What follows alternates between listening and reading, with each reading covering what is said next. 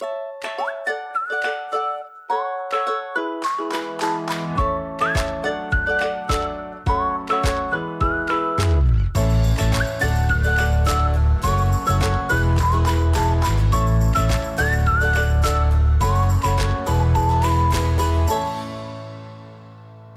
allemaal en welkom bij een gloednieuwe aflevering van de Wat ik wou dat ik wist podcast. De podcast waarin ik deel wat ik wel eerder had willen weten en verhalen vertel waar jij als twintiger hopelijk in herkent.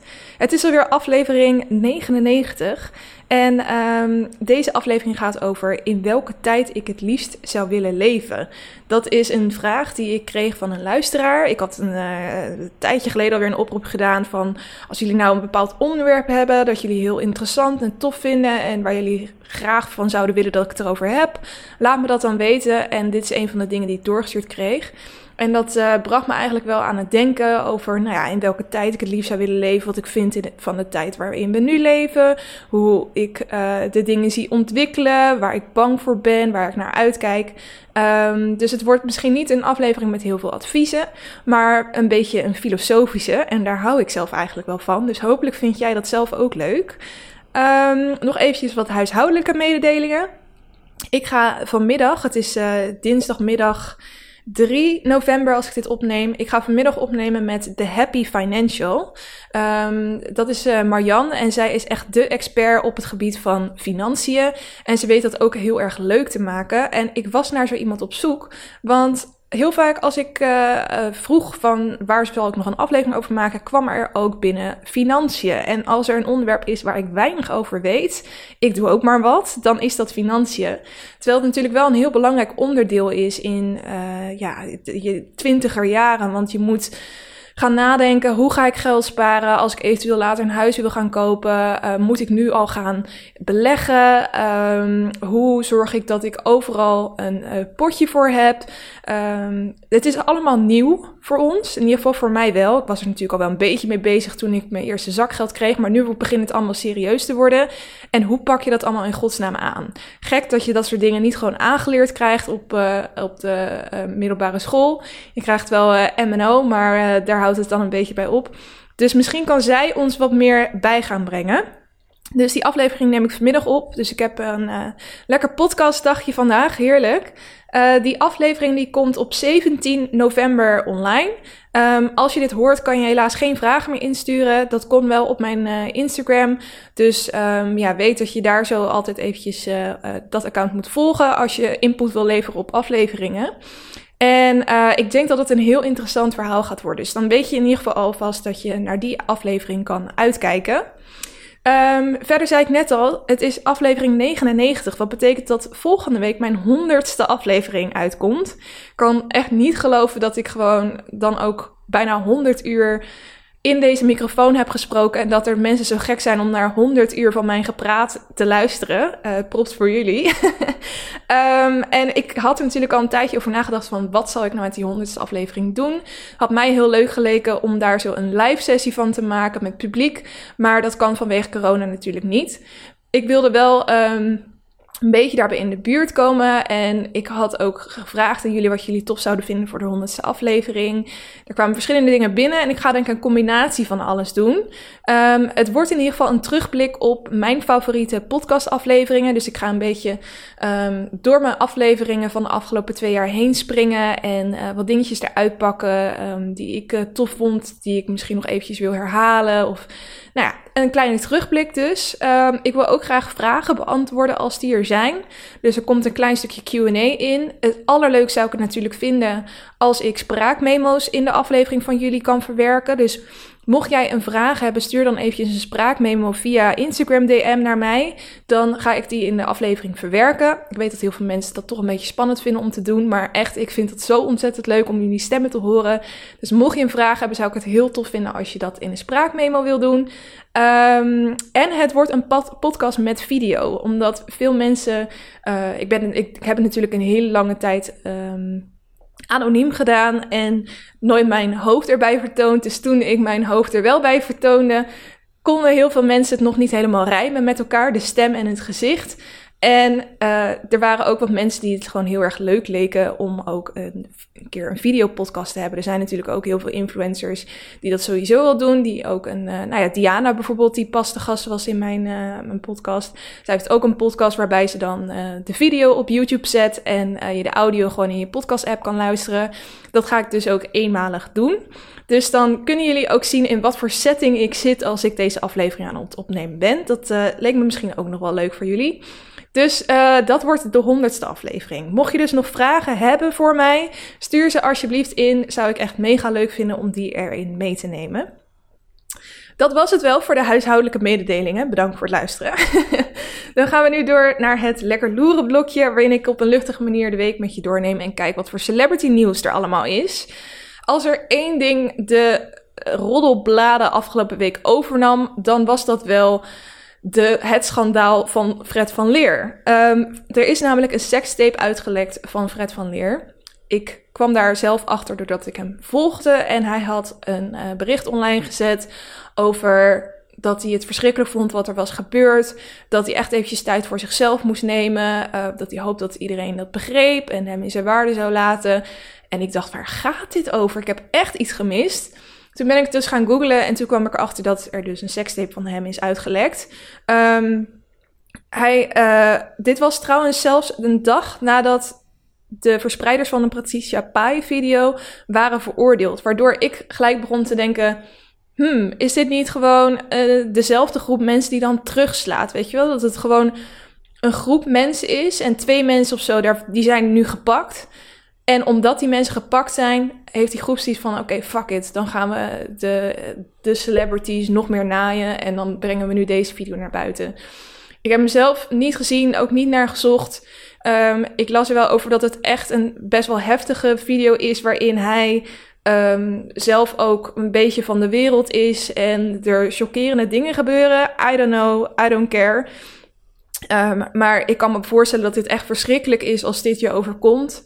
Hij um, is ook in het ziekenhuis opgenomen. Dat werd de afgelopen maandag bekend. Volgens mij was hij zondag um, in het ziekenhuis terechtgekomen. Er is, wordt niet gezegd wat er met hem aan de hand is. Kan natuurlijk iets compleet ongerelateerd zijn, maar die kans is vrij, klein. Dus ik vind dat ontzettend sneu um, wat voor effect dit allemaal op hem heeft. Er is ook een hashtag ontstaan, hashtag Team Fred. Daar hebben heel veel celebrities, of uh, celebrities, BN'ers gebruik van gemaakt. En een foto uh, op hun Instagram gezet met die hashtag. Dat ze hem steunden. Dat ze verschrikkelijk vonden wat er met hem gebeurde. En dat hij dit niet verdient. Wat natuurlijk helemaal zo is. Ja, ik weet niet. Ik was, ik was vroeger. Toen er dan um, een, naaktfoto uitlekte of een video of wat dan ook, dan had opeens iedereen het erover en dan kon ik heel moeilijk mijn nieuwsgierigheid bedwingen. Dan wilde ik het heel graag op gaan zoeken en het ook zien en rond gaan vragen. En ik denk dat stiekem iedereen dat wel heeft, want als iedereen als zoveel mensen aan het beschrijven zijn wat er in zo'n video gebeurt, dan denk je, ja, hallo, nou wil ik het zelf ook zien. Gewoon, en als je heel erg alleen maar kijkt naar je eigen nieuwsgierigheid, dan ga je eigenlijk de privacy van een persoon voorbij. Je beschouwt die persoon dan niet meer als persoon, maar als jouw eigen entertainment. En um, inmiddels kan ik mezelf terugdringen en denken: ik moet dit niet doen. Dit is niet. Ik moet mijn neus in mijn eigen zaken houden en daar vooral niet um, mee uh, bemoeien. En um, probeer je ook eens in die persoon te verplaatsen. Als jou dat zou gebeuren, dan zou je toch ook niet willen dat iedereen dit naar elkaar doorstuurt, dat iedereen het erover gaat hebben. Dan zou je gewoon willen dat dit nooit was gebeurd. Dus laten we dit ook zo snel mogelijk allemaal laten gaan. En um, vooral focussen op ander nieuws. Beetje krom dat ik het dan misschien wel in deze podcast over heb. Maar ja, dat is nou eenmaal mijn rubriek. Um, maar daarom vind ik het ook wel belangrijk om eventjes die boodschap bij dit nieuwtje uh, mee te geven. Doe niet mee aan dit soort dingen, want dan het is gewoon zo ontzettend sneu. En uh, kijk ook wat het met zo'n persoon doet. Dat hij nu in het ziekenhuis ligt. Ook al weet natuurlijk niet zeker dat het daardoor komt, maar de kans is wel groot. Dan het volgende nieuwtje. Uh, Kim Kardashian heeft een groot feest gegeven, omdat zij 40 is geworden. Dat heeft ze vastgelegd op de Instagram, zoals ze dat uiteraard doet. En daar heeft ze heel veel kritiek over gehad. Je ziet dat er best wel wat mensen aanwezig zijn, dat ze geen afstand houden, dat ze geen mondkapjes op hebben, dat ze eigenlijk gewoon overal scheid aan hebben. En je kan je dan wel voorstellen wat er dan gebeurt.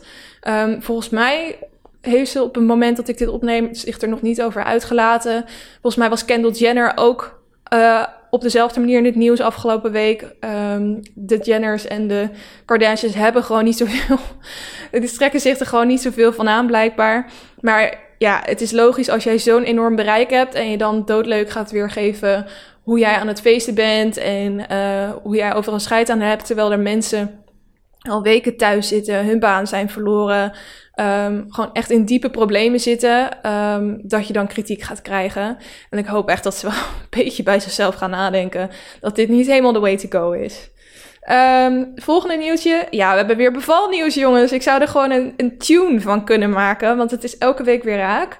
Deze keer is het Rens Kroes, zus van. En natuurlijk inmiddels uh, bekend food expert in Nederland. En uh, zij is bevallen van een meisje. Dat wist ze nog niet. Er waren eh, de meeste mensen die um, willen natuurlijk tijdens hun zwangerschap al weten of ze een jongetje of een meisje krijgen. Zij had het expres um, geheim gehouden, ook voor zichzelf. Dus het is een meisje, ze heet Maya Jade, vind ik echt een hele leuke naam. En ik vond haar Insta-post wel bijzonder. Ja, ik volg Rens Kroes dus normaal niet. En ik weet dat zij een expert is op foodgebied. Um, en dat wilde ze ook een beetje laten doorstromen in deze post, merkte ik. Dus ja, en ze is een beetje zo'n uh, hippie. Ja, dat vind ik lullig om op die manier te zeggen. Geen hippie figuur, maar ze is heel erg in touch met de spirituele kant van het leven. En nou ja, ik zal de post eventjes voorlezen. In de nacht op 23 oktober is ons grootwondertje Maya Jade op aarde geland. Ze is thuis in een mooie, verwarmend omgeving, inclusief Himalaya-lampjes, etherische oliën, mantra's, bad en houtkachel. Geboren met de mooiste en meest liefdevolle vrouwen en natuurlijk papa om haar heen. Nog nooit heb ik zo hard moeten werken in mijn leven. Het was een baring met achterhoofdsligging met verscherpt mechanisme geen idee wat dat is. Maar de liefde voor ons kind overstijgt alles. Ook het herstel wat pittig is en waar niet veel over wordt gesproken. Geerlijk genieten de aankomende tijd en zal mij goed laten verzorgen met powerfood. Tussen haakjes young food, zoals stoofpotjes, soepen, havermout met kaneel en gekookte appel. Door middel van warmte en liefde dat ik over een paar maandjes weer goed ben hersteld. En ja, ik post af en toe een fotootje hoor. Heel veel liefsrens. Ik vind dat dus heel komisch hoe ze dan dat powerfood, waar ze dus bekend van is, ook weer verwerkt in een post die in principe gaat over het mooiste wondertje wat je op de wereld hebt gezet. Toch even die commerciële touch erin. Ja, ik moest daar wel een beetje om lachen. Anyway, uh, we gaan door naar het volgende nieuwtje. En dat is dat de eerste Nederlandse first date baby is geboren. Er was natuurlijk best wel wat kritiek afgelopen jaar op first dates, omdat er dus zo ontzettend weinig relaties uit het programma komen, terwijl er zo ontzettend veel mensen daten in dat programma. Um, maar het is toch gelukt. Er is één stel wat heel succesvol was. Um, dat zijn Gerard en Karin met een C. En um, om eerlijk te zeggen kan ik hun date niet eens meer herinneren. Maar goed, zij hebben elkaar dus leren kennen bij first dates. En um, zij hebben nu een kindje. En uh, dat is een jongetje en hij heet James Ethan Dronkers. En uh, zijn ontzettend blij dat ze elkaar via first dates hebben leren kennen. Nou, superleuk toch? ik kijk het programma nog heel af en toe. Ik vind het gewoon lekker als het toevallig opstaat. Maar het is inmiddels niet meer echt vaste prik bij mij. Ik weet niet hoe dat bij jou zit. Dat was het voor het lekker loeren blokje. En dan gaan we nu door naar het elke elletje waarin ik lees, kijk en luistertips geef. De leestip is het boekenclubboek van oktober. Um, en dit is ook gelijk de aflevering waarin ik een recensie geef van het boek. Het boek is Untamed, oftewel Ongetemd leven van Glennon Doyle. En het gaat eigenlijk over um, hoe vrouwen in onze samenleving al heel vroeg wordt aangeleerd op welke manier zij zich moeten gedragen, um, hoe hun lichaam eruit moet zien, um, wat de juiste manier is om zich door het leven te bewegen, wat ze vooral wel en niet moeten doen. En dat we dat eigenlijk allemaal los moeten laten, omdat dat een manier is om ons te temmen en dat we dus ongetemd moeten gaan leven. Achter die uitspraak sta ik enorm, dus ik dacht dit boek wordt uh, mega interessant. Dus gekocht. En ik had het uh, e-book. En ik moet zeggen, ik kwam er echt heel moeilijk doorheen. Ik weet niet wat het was. Ik pakte het af en toe op en als ik het las, dan vond ik het ook wel interessant. Maar dan legde ik het weer neer en dan, ja, dan, uh, dan deed ik er eigenlijk weer niks mee. Dus toen was het afgelopen weekend. Toen dacht ik, ja, nu moet ik dinsdag of woensdag een recensie gaan geven van het boek. En ik heb nog niet eens een vijfde gelezen.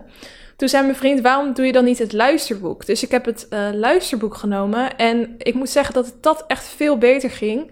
Omdat, ik, ik weet niet of het ook is voorgelezen door haarzelf. Um, want ik weet niet hoe haar stem klinkt. En ik heb begin niet zo goed geluisterd. Maar het wordt onwijs mooi verteld en echt ik weet niet, de boodschap komt gewoon veel beter over. Dus ik heb afgelopen weekend en gisteren en vanochtend een wandeling gemaakt. En dan uh, het luisterboek opgezet. En toen drongen de woorden allemaal veel meer tot mij door. Want weet je wat het eigenlijk is? Het is een beetje een soort hele lange TED-talk, dit boek. Het is, in principe is de boodschap al duidelijk. Die staat op de achterkant van het boek. Um, die kan je gewoon lezen als je opzoekt waar het boek over gaat. En dan heb je de gist al. Zij gebruikte heel veel verschillende voorbeelden uit haar eigen leven om dat punt te maken. En die zijn allemaal heel interessant en het gaat ook over racisme, over seksualiteit, over misogynie, um, over al die onderwerpen die ontzettend interessant zijn. En um, ze weet het ook nog eens heel mooi te vertellen. Ik snap waarom dit een bestseller is. Alleen, um, ik dacht op sommige momenten wel, uh, mand, kan het korter alsjeblieft. Dus dat is denk ik ook de reden waarom ik hem niet volledig uit heb gekregen. Ik ben nu op drie vierde. Ik denk dat ik hem wel tijdens mijn wandelingen gewoon nog aan uh, blijf zetten. Um, wat ik ook vond, het was best wel uh, religieus. Zij uh, is christelijk en dat komt best wel vaak in het boek terug. Niet echt geforceerd, zeg maar, maar wel omdat ik kan me dan toch minder in iemand identificeren. Um, dus dat vond ik minder. En het gaat ook heel erg over hoe wij vrouwen onze kinderen opvoeden. En op bepaalde vlakte is dat interessant, maar ook weer niet compleet voor mij natuurlijk, omdat ik helemaal geen kinderen heb en uh, zeker geen tienerdochter zoals dat zij heeft. Dus ik, ik voelde me ook niet compleet de doelgroep. Ik denk dat dit een perfect boek is voor de 40-jarige vrouw met tienerdochter die um, altijd heeft geleefd zoals de samenleving dat van haar verwachtte en heel erg behoefte heeft om uh, vrij te zijn daarin. Um, maar ja, ik, ik heb in principe al de overtuiging die in dit boek uitgesproken wordt. Daarnaast is het dus heel erg gericht op, vind ik, moeders en christelijke moeders. Dus um, ja, misschien was het gewoon net niet helemaal het boek voor mij. Ik dacht dat er ook nog best wel wat mensen meelazen. Dus ik heb gevraagd of die hun recensie nog willen doorgeven.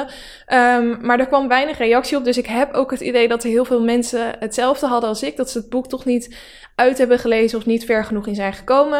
Er was één iemand die nog wel via DM een uh, recensie stuurde. Ze zei: Ik heb het boek nog niet uitgelezen, maar ik heb een dubbel gevoel bij het boek. De verhalen die erin staan zijn super inspirerend en er worden duidelijke voorbeelden gegeven, maar ik moet mezelf wel elke keer dwingen om een stuk te gaan lezen. Na het lezen van een hoofdstuk voel ik me wel ontzettend geïnspireerd en ben ik mij er weer van bewust dat ik toch niet altijd zo ongetemd leef als ik denk of zou willen. Alleen het boek leest gewoon niet zo lekker weg en ik weet niet zo goed hoe het komt. Nou ja, dat heb ik dus precies hetzelfde. Dit is eigenlijk wat ik net al zei. Um, ik denk dat het erdoor komt dat het gewoon één heel lange TED-talk is en er niet nieuwe dingen, uh, niet genoeg nieuws in voorkomt, waardoor je getriggerd wordt om elke keer weer verder te lezen. Desondanks is het echt wel een goed boek. Dus mocht jij heel erg behoefte hebben aan um, informatie over dit onderwerp en uh, vooral overtuigingen en uh, redenen waarom je dus ongetemd moet gaan leven, dan is dit boek zeker wel een aanrader. En dan zou ik je dus ook zeker aanraden om het luisterboek te nemen. Want ik vond dat veel fijner dan uh, het lezen ervan. Um, de maand november is inmiddels aangebroken. We hebben nog maar twee maanden te gaan dit jaar. Iedereen zegt altijd, dat vind ik heel grappig. Iedereen zegt altijd: Oh, nog maar twee maanden en dan is dit rotjaar eindelijk voorbij. Alsof als de klok slaat, alsof dan al onze ellende opeens weggeveegd wordt van dit jaar. Ik ben bang dat we hier nog wel eventjes last van gaan houden, maar ik wil ook weer niet pessimistisch doen. Anyway, twee, nog twee maanden dit jaar, uh, nog twee boeken te gaan zou je zeggen. Alleen in de maand november is er geen boekenclubboek. Dat had ik vorige week al eventjes gezegd, omdat ik deze maand een eigen boek schrijf. Superleuk, dat is mijn uh, challenge van november. En um, ik heb inmiddels dus bepaald waar het boek over gaat, wie de hoofdpersoon is, met hulp van jullie via Instagram stellingen en polls. Super leuk dat jullie daaraan bij wilden dragen. Ik um, ga zo meteen bij het uh, gedeelte van deze aflevering, waarin ik het heb over de challenge van een maand, um, vertellen uh, waar het boek over gaat en um, ja, mijn progressie met jullie delen. Dus dat komt zo meteen. We gaan door naar de kijktip. Ik heb een superleuke kijktip, uh, vind ik zelf. Anders zou ik hem niet geven. Het is de serie This Is Us. En This Is Us gaat eigenlijk over. Ja, het is een, een soort familiedrama. Het gaat over een gezin. En je ziet dat gezin op verschillende momenten in de tijd. Dus um, het gaat over een, een drieling bijvoorbeeld, of eigenlijk een twee. Nou ja, dus hoe, hoe, ga ik dit weer uitleggen? Oké, um, een broer en een zus, die eigenlijk deel zijn van een drieling, waarvan het derde kindje bij de geboorte is overleden. Uh, in plaats daarvan is een derde baby geadopteerd.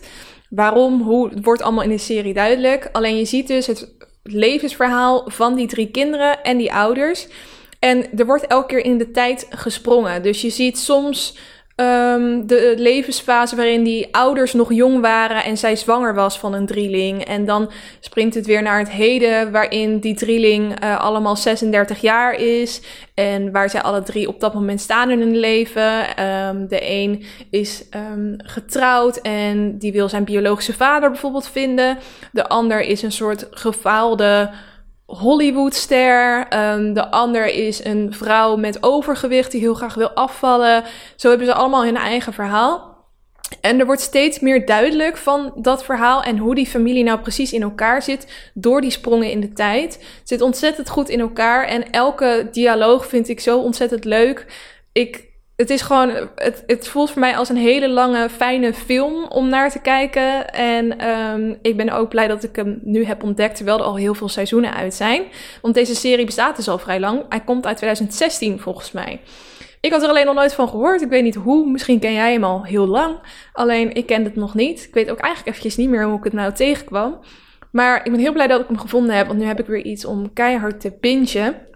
Het heet dus This Is Us. En ik heb eventjes gezocht. Je kan het via Amazon Prime kijken. Uh, dat, is natuurlijk nog niet zo heel lang in Nederland. Maar als je Amazon Prime Video hebt, wat volgens mij niet eens zo duur is, volgens mij 4 euro per maand of zo, dan kan je deze serie dus helemaal kijken.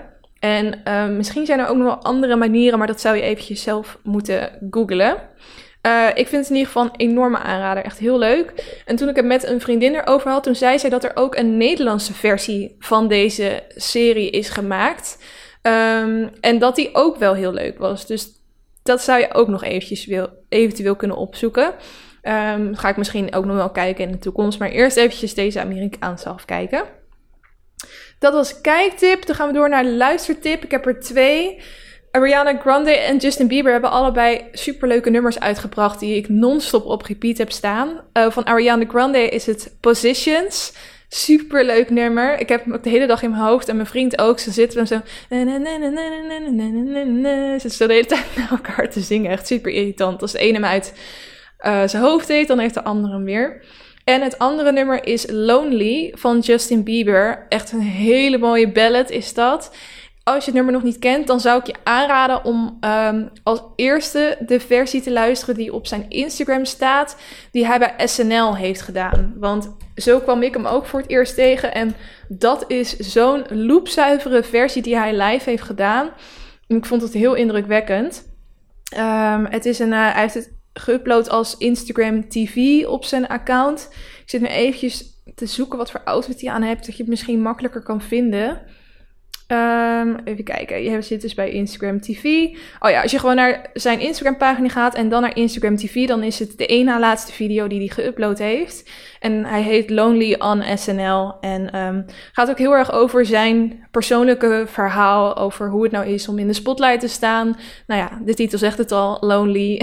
en um, hij is natuurlijk echt opgegroeid. Hij heeft eigenlijk geen helemaal geen normale tienerjeugd gehad. Um, hij heeft nooit de kans gehad om fouten te maken die andere tieners wel konden maken, zonder dat dat enorm uh, werd uitgelicht in alle media. En daar gaat dit nummer een beetje over. Ik vond, uh, ja, ik vond het wel echt indrukwekkend. Dus luister dat nummer zeker ook eens.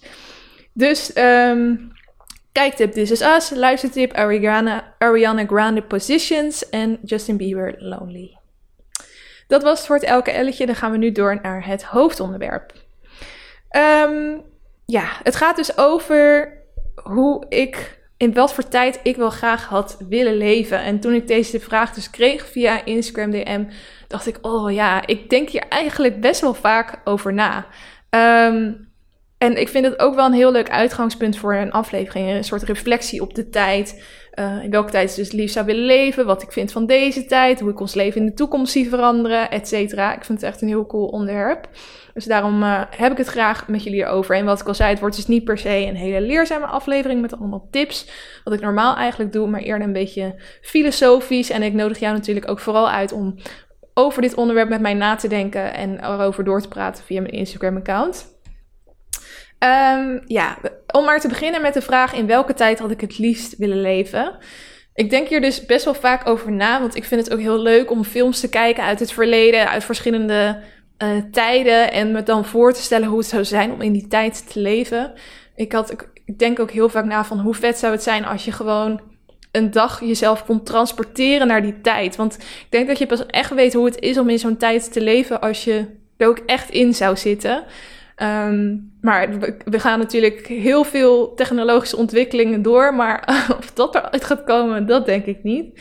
Anyway, um, de tijd waarin ik toch wel het liefst zou willen leven is de jaren 20 van de vorige eeuw. Dus 1920.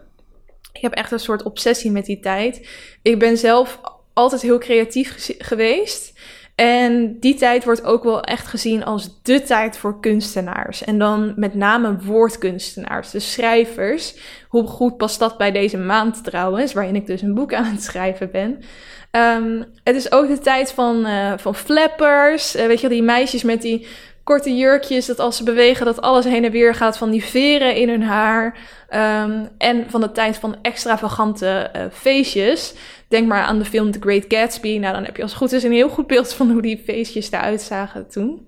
Het is voor mij ook een beetje de tijd waarin ik vrouwen voor het eerst terug zie komen als mondig. Um, je hoort eigenlijk heel weinig over vrouwen als je kijkt naar de geschiedenis. Het bestaat toch vooral uit mannen. Als er al vrouwen zijn geweest die um, iets hebben gedaan voor, voor de mensheid, voor vrouwen, dan uh, wordt daar gewoon veel minder over geschreven. En daarnaast werden vrouwen natuurlijk ook heel erg, uh, ja, uh, naar beneden gehouden. Of hoe zeg je dat? Die, die, die mochten gewoon niet mondig zijn. En eigenlijk zie je in 1920 of vanaf 1920 voor het eerst dat er ook wat meer geluisterd wordt naar vrouwen. Het was ook voor het eerst dat vrouwen mochten stemmen. En um, zeker in deze creatieve tijd, in die creatieve woordkunstenaarsferen, um, gingen vrouwen ook schrijven en gingen ze vertellen over hun eigen ervaringen en over hun denkwijze. En ik vind het heel mooi dat daar toen eindelijk ruimte voor kwam. Um, met name de 1920 jaren in Parijs vind ik heel interessant en daar wil ik nu eventjes wat meer over vertellen. Er was toen namelijk een Amerikaanse literaire beweging genaamd The Last Generation. Misschien heb je er wel eens van gehoord.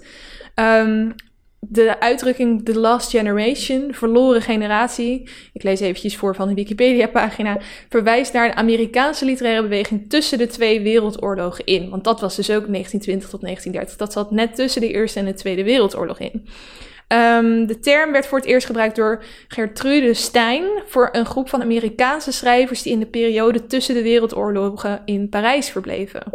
De Eerste Wereldoorlog had veel jonge mensen diep geraakt in wat zij traditioneel aan waarde en geloof hadden meegekregen.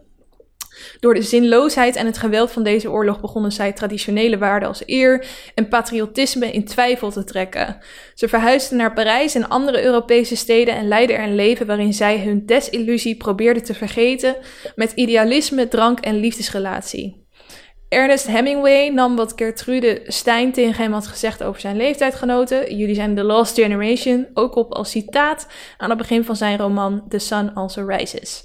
Nou, wie was die beweging dan? Wie viel, vielen daar allemaal onder? Een hoop bekende namen, hoop ik, als je dit hoort. Ernest Hemingway, John Steinbeck, John Dos Passos, F. Scott Fitzgerald en zijn vrouw Zelda, Ezra Pound, Eric Mar Maria Remarque, Sherwood Anderson, Waldo Pierce, Sylvia Beach, T.S. Eliot en Gertrude Stein zelf. Dus het was eigenlijk een groep mensen um, die het helemaal klaar was met Amerika en hoe daar dingen werden aangepakt.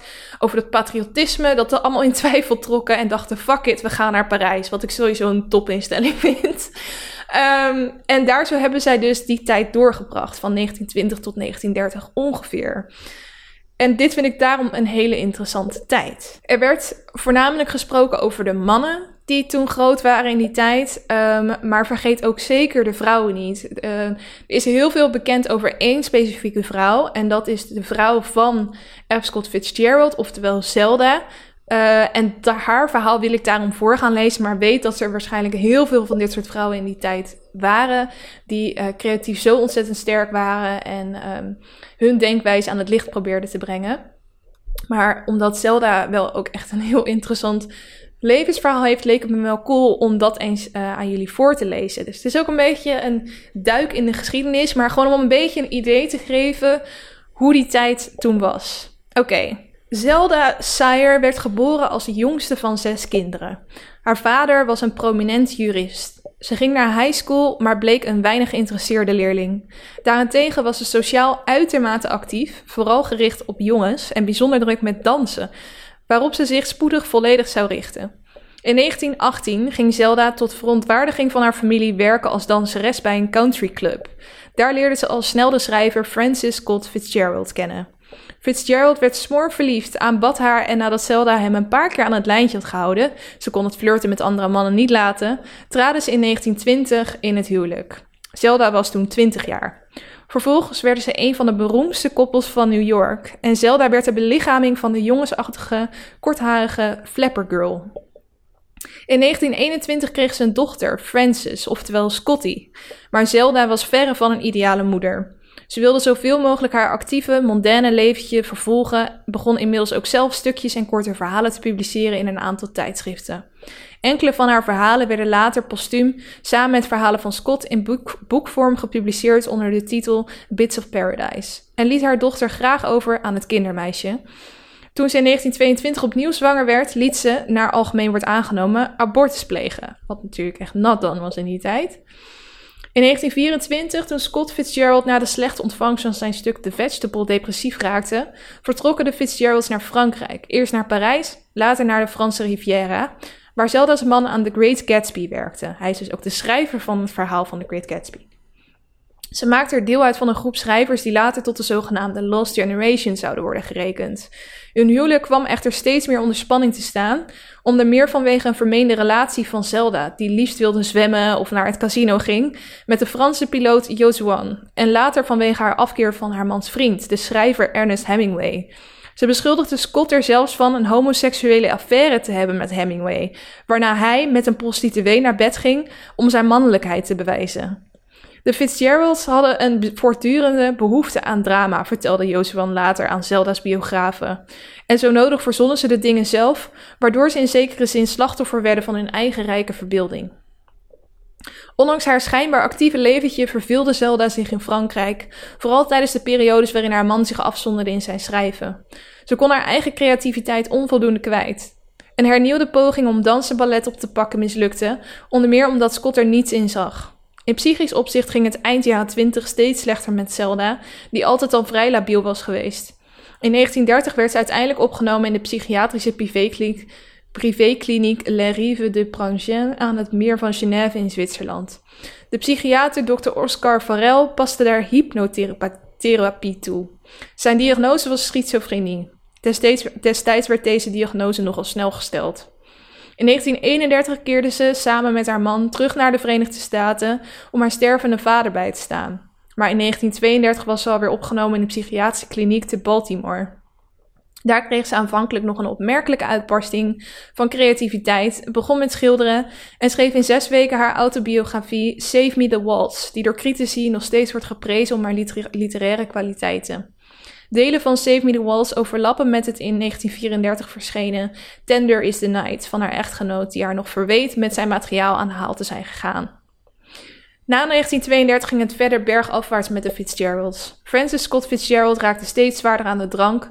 Zelda verbleef van 1930 tot 1934 met regelmaat in diverse psychiatrische inrichtingen. van 1936 tot 1940 en vervolgens van 1943 tot haar dood in het Highlight Mental Hospital te Asheville. Ondanks hun voortdurende conflicten en Scott's affaires, onder meer met columniste Sheila Graham, bleven beide emotioneel sterk aan elkaar gebonden. Scott bleef met hun dochter Scotty altijd dicht bij Zelda in de buurt wonen, totdat hij in 1940 stierf aan een beroerte. Zelda Scott Fitzgerald overleed op 47-jarige leeftijd in het Highlight Mental Hospital te Asheville tijdens een brand, waarbij nog acht patiënten om het leven kwamen. Scott en Zelda werden begraven in Rockville, Maryland. Op initiatief van Scotty, die later journaliste werd, werden beide in 1975 herbegraven op het katholieke kerkhof al daar bij andere leden van de familie Fitzgerald. En dat was haar levensverhaal. Insane toch? Toen ik dit voor het eerst las, dacht ik echt: wow, wat een bizar leven. Het is echt zo de, de gepijnigde kunstenaar ten top gewoon. En ik denk dat dat mij intrigeert aan die tijd. Dat mensen zo. Eigenlijk was, was kunst en voornamelijk de woordenkunst, het schrijven daarvan. Dat was het hoogst haalbare. Als, als je dat kon, als je een soort poëet was, dan was jij het, weet je wel. En in deze tijd denk ik dat we dat helemaal niet meer zo zien. Het, het was ook een tijd waarin Ehm, ja, ze hielden van, van feestjes en extravagante dingen. Maar aan de andere kant stoten ze ook heel veel dingen van het kapitalisme af. Juist omdat ze uh, zo erg op kunst gericht waren. En ik weet niet, het lijkt me gewoon een super interessante tijd om bij die literaire beweging te zitten. Om bij die feestjes te zijn, om met die mensen te praten. Um, als jij dit ook heel interessant vindt en gek bent om die tijd, dan zou ik je aanraden om, nou ja, wat ik net al zei, The Great Gatsby te kijken, wat dus ook het verhaal is van Scott Fitzgerald. Um, dus je, hij heeft zelf eigenlijk over zijn eigen tijd geschreven en hoe die feestjes waren. En dat keert dan ook weer terug in die film. Dus als je liever de film kijkt met Leonardo DiCaprio, dan snap ik dat ook. Maar misschien ook wel heel interessant om het originele boek te lezen. Uh, maar om ook te kijken naar de film Midnight in Paris. Um, nog niet eens zo heel oud die film, maar hij gaat over uh, iemand die uit onze eeuw komt en die wordt getransporteerd naar Parijs in de jaren 20. Het is een schrijver die op vakantie is in Parijs met zijn uh, verloofde volgens mij en zijn schoonouders als ik het goed zeg. En op een gegeven moment loopt hij in een straatje en um, gaat een kerkklok en wordt hij dus getransporteerd naar de jaren twintig op diezelfde plek. En um, komt er een, een, hoe heet zoiets, een dus, ja, soort koets voorbij rijden. Waar al die mensen, al die bekende mensen dus in zitten. En die vragen hem om mee te gaan. En dan komt hij dus in hun kringen terecht. En ja, ik genoot enorm van die film. Dus misschien vind je die ook wel interessant om te kijken. Um, toch wil ik er ook wel bij zeggen dat het natuurlijk heel makkelijk is om deze tijd te romantiseren. Want vrouwen werden echt niet altijd heel serieus genomen. Uh, ze mochten net aan gaan stemmen. Maar ze hadden in de publieke discussie nog vrij weinig te zeggen. Uh, vrouwen hadden natuurlijk überhaupt een hele traditionele rol nog op dat moment. Weinig kansen. Um, dus als ik echt ervoor zou als iemand echt naar mij zou vragen van... zou je in plaats van het leven wat je nu hebt... Um, in die tijd willen leven, dan zou ik denk ik toch nee zeggen. Het lijkt me heel interessant, die schrijversbeweging. Maar het zou ook betekenen dat als ik. Uh, ik ben nu 27, dus als ik op dat moment 27 had geweest, dan zou het betekenen dat ik in mijn leven twee wereldoorlogen meemaakt. En nee, bedankt, dat, dat hoef ik echt niet. Dus dat is wel heel belangrijk bij elke tijd. Elke tijd heeft zijn voor- en zijn nadelen. Je moet heel goed Um, bij films ook die je ziet of verhalen die je hoort over een specifieke tijd, dat in je achterhoofd houden. Alle verschillende dingen die daar dan bij komen kijken. Ik ben eigenlijk dus best wel blij met de tijd waarin ik ben opgegroeid. Uh, en alle kansen die ik nu ook als vrouw heb. Um, ik heb gewoon kunnen studeren. Ik heb daarbij mijn eigen keuze kunnen maken. Ik heb nu mijn eigen bedrijf. Dat had echt niet gekund in die tijd. Je kon niet eens een eigen rekening opzetten. Dat moest allemaal vanuit de naam van je man. Um, dus wat dat betreft ben ik heel erg blij met, uh, met waar ik nu in leef en de tijd. Ik vind het ook een hele toffe tijd vanwege de digitale vooruitgang. Hoe makkelijk het nu is om met iemand van de andere kant van de wereld te connecten. Dat vind ik echt super cool. Er zijn al zoveel mensen die um, op jonge leeftijd uit elkaar zijn gerukt of elkaar het oog zijn verloren, die elkaar nu via uh, social media weer hebben kunnen vinden. En sowieso vind ik het heel fijn om. Ja, je hebt gewoon mensen die bepaalde momenten uh, in je leven um, heel close, waar je heel close mee bent op dat moment. En die je dan gewoon, omdat je paden scheiden, uh, je uit elkaar gaat. En dat niet is omdat je elkaar niet meer leuk vindt. Je wil juist heel graag dat die mensen een succesvol en tof leven hebben. En om dan toch via social media een beetje op de hoogte te kunnen blijven van elkaar en af en toe nog een berichtje te kunnen sturen, dat vind ik heel erg fijn aan deze tijd. Dat je niet gelijk iemand kwijtraakt. Ik vind het ook heel tof dat we nu overal heen kunnen vliegen en echt dezelfde wereld kunnen ontdekken. Dat is natuurlijk ook nog niet heel lang. Je bent echt een, een wereldburger nu. Je bent niet alleen een burger van je dorp, van je stad of alleen van je land, maar je bent echt een burger van de wereld. En dat merk je gewoon met alles om je heen. Dat je in in, ja, dat je in verband staat, in connectie hebt met iedereen over de hele wereld. En um, dat vind ik wel heel cool. Ik ben niet zo bekrompen en ik denk graag groot, dus dat past wel bij mij. Um, ik zie natuurlijk ook wel de negatieve kanten van deze tijd. Uh, ik maak me bijvoorbeeld best wel zorgen om privacy, hoe grote bedrijven gewoon al jouw informatie kunnen hebben. En ook al zeggen ze dat ze het niet doen, gewoon kunnen doorverkopen als ze dat willen. Um, datalekken, het verspreiden van fake news, hoe ontzettend hard dat nu gaat. Hoe makkelijk complotdenkers elkaar nu kunnen vinden. Um, hoe verdeeld we daardoor allemaal raken. Die verdeeldheid is echt enorm op dit moment. In Amerika gaat het daardoor nu echt flink fout. En om heel eerlijk te zijn, zie ik het nog best wel gebeuren dat ergens in de komende jaren er in Amerika een burgeroorlog gaat plaatsvinden. Wat ik heel eng vind om over na te denken. Maar zeker na het zien van de Social Dilemma. Uh, ik hoop dat jullie die inmiddels allemaal hebben gezien op Netflix, die docu. Daarin hebben ze het hier ook over hoe social media bijdraagt aan de verdeeldheid van de wereld. En dus ook hoe makkelijk mensen um, gelijkdenkenden kunnen vinden. En er daardoor dus heel veel verdeeldheid kan ontstaan. Um, en zij voorspellen dus ook een burgeroorlog. En toen ik dat zag, toen dacht ik, oh jezus, als zelfs de mensen die hier zoveel verstand van hebben, dat gaan zeggen. I don't know. Vanavond zijn natuurlijk de verkiezingen. Als jij dit op dit moment luistert, dan is al bekend wie de nieuwe president is van Amerika. Ik ben heel erg benieuwd wat eruit gaat komen. Ik heb natuurlijk wel een, een stille hoop dat het alsjeblieft niet Trump gaat worden. Maar wat uitslag ook gaat worden, het gaat voor enorme verdeeldheid in Amerika zorgen. Er worden nu al heel veel uh, veiligheidsmaatregelen getroffen. Mensen zijn, winkeliers zijn hun winkels aan het dichttimmeren, het glas aan het afplakken, zodat hun winkel zo min mogelijk beschadigd kan worden, omdat er dus gewoon al vanuit wordt gegaan dat er heel veel onrust gaat plaatsvinden en heel veel agressie en um, geweld. Er, het wordt zelfs vanuit gemeentes en door de politie gezegd tegen winkeliers dat dit waarschijnlijk gaat gebeuren. Dat is toch bizar dat je eigenlijk al. Over, ja, dat je eigenlijk al weet dat mensen gewoon helemaal gek gaan doen zometeen. Ja, ik vind dat soort dingen best wel, uh, best wel eng. En dat hoe, hoe op het moment dat social media blijft bestaan en op de manier waarop het nu functioneert ook blijft functioneren, gaat die verdeeldheid alleen maar groter worden. En dat is dus wel iets waar ik me zorgen om maak. Ik maak me ook zorgen om de manier waarop we nu met onze aarde omgaan. Dat vind ik echt bizar. Dat er mensen zijn die zelfs na bijvoorbeeld Alive on Our Planet hebben gekeken, uh, doodleuk nog steeds de opwarming van de aarde ontkennen. Ja, echt ongelooflijk. Um, als je ziet hoeveel rampen er afgelopen jaar alleen al zijn gebeurd. Hoeveel dieren er uitsterven en waarom in godsnaam. Zodat wij lekker met auto's en vliegtuigen de aarde rond kunnen blijven vliegen. Voor een prikkie onze kleding en andere producten kunnen laten produceren. En elke dag ontzettend veel vlees eten. Ja, we zijn dat is denk ik het probleem. We zijn gewoon zo ontzettend gewend geraakt aan al die luxe die we hebben en heel erg gericht geworden op economische belangen.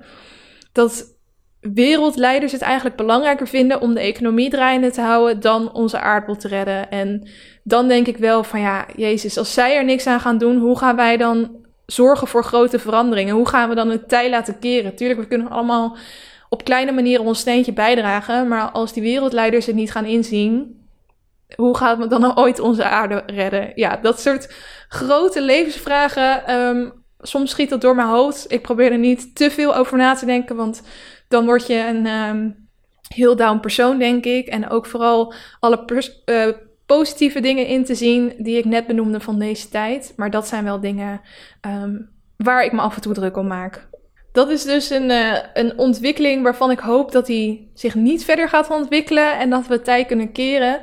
Uh, als ik dan nog meer naar de toekomst kijk, dan vind ik, denk ik, de technologische ontwikkeling het interessantst. Bijvoorbeeld um, de ontwikkeling van uh, robots en artificial intelligence. Daar zijn we inmiddels al zo ontzettend ver mee. En het is heel gek om na te denken over waar we over 50 jaar of 100 jaar zijn als het daarop aankomt. Ik denk dat we al veel verder zijn dan dat, nu, dan dat wij nu weten. Maar er zit natuurlijk ook een heel groot gevaar aan eh, AI en robots. Want hoe sterker wij die maken, hoe groter de kans is dat zij met elkaar kunnen gaan communiceren. En dat er dingen gebeuren die wij niet meer zelf onder controle hebben. En dat is ook waarom er natuurlijk heel veel discussies hierover plaatsvinden. Want als dat gebeurt, wat, wat, wat gaat er dan Hoe ziet de wereld er dan uit? Weet je, worden we dan. Is, zijn robots het nieuwe ras? Weet je, dat, dat is ook iets wat sommige mensen zeggen. Dat um, wij. je hebt gewoon een evolutie. En robots zijn de volgende soort. En die soort gaat de mensheid overnemen. Ik vind dat nog heel bizar om over na te denken. Ik kan me nog niet helemaal dat goed voorstellen. Maar je weet het niet. Uh, mensen konden zich ook niet voorstellen dat we nu um, allemaal vastgeplakt zaten aan een telefoon. Weet je nog dat filmpje van vroeger dat ze mensen op straat gingen interviewen en vroegen: Gaat u een mobiele telefoon nemen? Nee, dat heb ik toch niet nodig. Als mensen iets willen zeggen, dan spreek ze me maar mijn antwoordapparaat in. Dan hoor ik het thuis wel weer. Dat, dat, die situatie kunnen wij ons nu niet meer voorstellen. Dus er gaat waarschijnlijk nog heel veel plaatsvinden in de komende jaren, wat wij op dit moment niet kunnen voorspellen. En dat vind ik best wel een, een gek iets. En misschien ook een beetje beangstigend, maar aan de andere kant ook, maakt het me ook wel weer heel erg nieuwsgierig naar wat er allemaal uh, gaat gebeuren. Um, ja, hoe gaat onze wereld er straks uitzien. Uh, ook bijvoorbeeld, ik keek vroeger altijd naar de Jetsons. Keken jullie dat ook? Dat vond ik een superleuk programma, wat zich dus ver in de toekomst afspeelde. Ik weet niet meer in welk jaar. Misschien was het wel 2020 of zo. Dat zou best wel eens kunnen. Maar ik denk dat het eerder iets van 2050 was. In ieder geval, toen lieten zij dus zien hoe de wereld er dan dus uit zou zien. Het is natuurlijk wel allemaal bedacht en het is een, een tekenfilmpje. Maar um, dan had je gewoon vliegende auto's en je had overal um, van die uh, loopbanden. Um, dus als je nu 100 jaar, 50 jaar vooruit gaat, hoe ziet onze wereld er dan uit? Gaan we dan eindelijk vliegende auto's hebben? Of gaan we dan inderdaad via die loopbanden ons overal heen verplaatsen? Er zijn natuurlijk ook dat, dat soort dingen, dat, zouden we nu al kunnen hebben in principe. Alleen er zijn voor elk ding natuurlijk ook weer redenen om het niet te doen. Um, dus ik denk, heel veel mensen zeggen van onze wereld gaat niet snel genoeg vooruit. Maar wat ik net al zei, ik denk dat onze wereld heel snel vooruit gaat. Maar dat er gelukkig ook een hoop slimme koppen zijn die bezig zijn met ethiek en moraal. En um, wat voor dingen kunnen we wel doen en wat voor dingen niet. Um, wat vinden we dat er nog wel kan? Um, mogen we bijvoorbeeld onze geliefdes gaan klonen? Klonen kan al. Er zijn mensen die hun hond op dit moment klonen. Um, en dat als de een dan doodgaat, dat je dan in ieder geval nog weer een nieuwe hebt. En dan zou je misschien kunnen zeggen, dan kan je toch ook gewoon een nieuwe puppy van hetzelfde ras, maar ze willen dan precies dezelfde puppy hebben en dat het dan een kloon is. Dat vind ik ook een heel gek iets om over na te denken. Want hier heb ik ook wel eens discussies over met mijn vriend. Stel, jij zou um, kunnen samenleven met een directe kloon van mij. Zou je dat dan willen? Dan zou ik zeggen, nee, want ik wil gewoon jou hebben, de echte. Want het, en toen zei hij, maar ja, de kloon is in principe ook de echte. Want het is um, één op één een, een, een... Het is gewoon precies ik eigenlijk. Ik zeg, ja, maar dat voelt toch niet goed. Ja, maar waar ligt dat dan aan? Want in principe ben ik het gewoon toch dan. Weet je, dat is, dat is zo'n discussie waar je gewoon bijna niet uit gaat komen. En wat heel erg, ook al zou je rationeel misschien denken, ja, maakt eigenlijk niet uit, want het is één op één hetzelfde. Maar um, toch vanuit ethisch oogpunt denk je, nee, nee, nee, nee, dat klopt niet, dat kan niet, dat gaan we niet doen. En um, ik denk dat dat iets is dat echt een hele grote rol gaat spelen in de toekomst. Dat we heel veel discussie krijgen over van oké, dit is wat we nu allemaal kunnen. We kunnen zo ontzettend veel doen, maar wat vinden we dat er kan? Want als we dit nu gaan doen, dan is de kans groot dat dit ook gebeurt. En dat als we dit gaan doen, als we dat pad ingaan, als we die wetten instellen, dan zouden we zomaar in die situatie terecht kunnen komen. Um, op een gegeven moment zijn we technologisch natuurlijk hebben we zoveel vooruitgang dat we onszelf moeten gaan terugdringen eigenlijk daarin. En daar ben ik wel heel erg geïnteresseerd in. Um, mogen we bijvoorbeeld het geslacht van onze kinderen gaan bepalen? Op sommige delen van de wereld wordt dat al gedaan. Volgens mij niet compleet legaal, maar je kan al aangeven wat voor geslacht je wil. En op een gegeven moment zou je dan misschien ook kunnen zeggen: Ik wil dat ze blauwe ogen hebben en dat ze blond haar hebben, of dat ze bruin haar hebben en bruine ogen. Um, of misschien kunnen we later wel onze kinderen laten groeien in een broedcel. Dat je gewoon, zoals je IVF hebt, dat je gewoon dat in een broedcel stopt en negen maanden later kom je terug en je komt je kind ophalen. Als dat ervoor zorgt dat jij niet een hele zware bevalling en zwangerschap door moet gaan. En er zijn mensen die dat willen. Kijk, het is natuurlijk ook heel belangrijk voor de band met je kind. Dat is iets wat wij nu geloven. Misschien zeggen we over tien jaar weer komt er nieuw onderzoek uit die zegt dat maakt eigenlijk helemaal geen reet uit. En denkt iedereen, nou, dan doen we het toch gewoon negen maanden in een broedcel. Dat zijn wel dingen ik denk, holy shit. Dat is een wereld waar ik gewoon nog niet bij kan met mijn hoofd. Um, en wat ik zei, ik denk dat dat morele aspect wel echt een grote uh, rol gaat spelen. Ook over commerciële luchtvaart bijvoorbeeld. Commerciële ruimtevaart bedoel ik. Er zijn nu al mensen die dus gewoon tering veel geld betalen. Zodat zij ze zijn helemaal niet opgevoed, of hoe zeg je dat, getraind door NASA of zo. Maar ze vinden het gewoon heel vet om een keer naar de ruimte te gaan. Nou ja, dan heb je SpaceX die zegt: Oké, gaan we doen. dan gaan er gewoon mensen naar de ruimte. En dat is nu nog een unicum. Maar komt er straks ook een tijd waarop we zeggen: uh, Nee, ik ga dit jaar niet naar Spanje op vakantie. Uh, ik ga naar uh, de maan. ik lach mezelf echt uit als ik dit soort dingen zeg. Maar je weet het niet. Je weet niet waar onze wereld heen gaat. En um, ik zou zoiets bijvoorbeeld wel heel vet vinden, maar ik kan me er gewoon geen voorstelling bij maken hoe je dat op een veilige manier gaat doen. Want het is nu nog allemaal zo tricky en I don't know. Um, ik, ik vond het wel hele leuke vragen uh, om over na te denken. Ik hoop gewoon dat we altijd ons morele kompas houden bij elke ontwikkeling die we nog doorgaan. Um, en dat we, ja, dat we wel van positiviteit, dat we alleen maar positieve dingen ontwikkelen. Het is heel gek om na te denken over de toekomst op deze manier. Ik hoop dat je het interessant verhaal vond. Het was vooral heel veel geblabber van mij, heb ik het idee. Maar um, ik hoop dat je het wel leuk vond om naar te luisteren. Ook om het uh, verhaal te horen van Zelda Fitzgerald. Super interessant levensverhaal. Ik hoor ook graag in welke tijd jij het liefst zou willen leven. Laat me dat eventjes weten via Instagram. Ik zal ook weer wat leuke postjes erover maken. Uh, dat was het voor het hoofdonderwerp. Dan tot slot de challenge. De challenge van deze maand is dus dat ik een boek ga schrijven van 50.000 woorden. Dat is echt insane veel. Maar dat is wat NaNoWriMo is, waar ik deze, deze maand aan meedoe.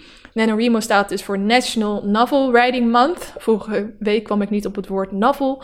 Um, en het idee is dus dat je dan een maand lang uh, gaat werken aan een, uh, een boek.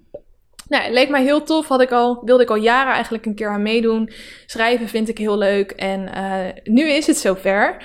Ik heb afgelopen week op Instagram heel veel input van jullie gevraagd over um, wat voor, uh, hoe, hoe oud de hoofdpersoon zou moeten zijn. Of de man of vrouw zou moeten zijn. Waar diegene dan werkt. Waar diegene woont. En dat heb ik allemaal doorgenomen. En uh, nou ja, bijvoorbeeld 93% zei dat de vrouw moest zijn, dus het wordt een vrouw. Um, je kon een soort van swipe, of hoe heet dat, zo'n uh, emoji slider doen van hoe oud je wil dat het hoofdpersoon is. Nou, daar kwam 26 uit, dus is 26. Voor mij ook wel fijn, want het is toch makkelijker om te schrijven vanuit iets dat je kent. En ik ben natuurlijk, nou ja, geen 26, maar 27-jarige vrouw, dus dat scheelt. En ik heb dus heel veel inspiratie genomen uit wat jullie verder instuurden qua werk, qua familie, qua baan. En um, daar heb ik dus iets leuks van gemaakt. Ik vroeg later ook nog wat voor namen ze het allemaal moesten hebben. Dus jullie hebben heel veel input geleverd voor dit boek. En ik zal uh, nu eventjes de samenvatting voorlezen van waar dit boek over gaat. Oké, ik heb al een werktitel voor het boek. Ik vind hem eigenlijk wel heel leuk, dus misschien blijft het ook wel de titel. En dat is 2020 redenen. Ik zal nu de samenvatting voorlezen. Um, Noor is 26 jaar, is event manager en woont in Amsterdam. Ze heeft haar leven op de rit, is succesvol en gelukkig. Tot het leven dat ze kende volledig op zijn kop wordt gezet.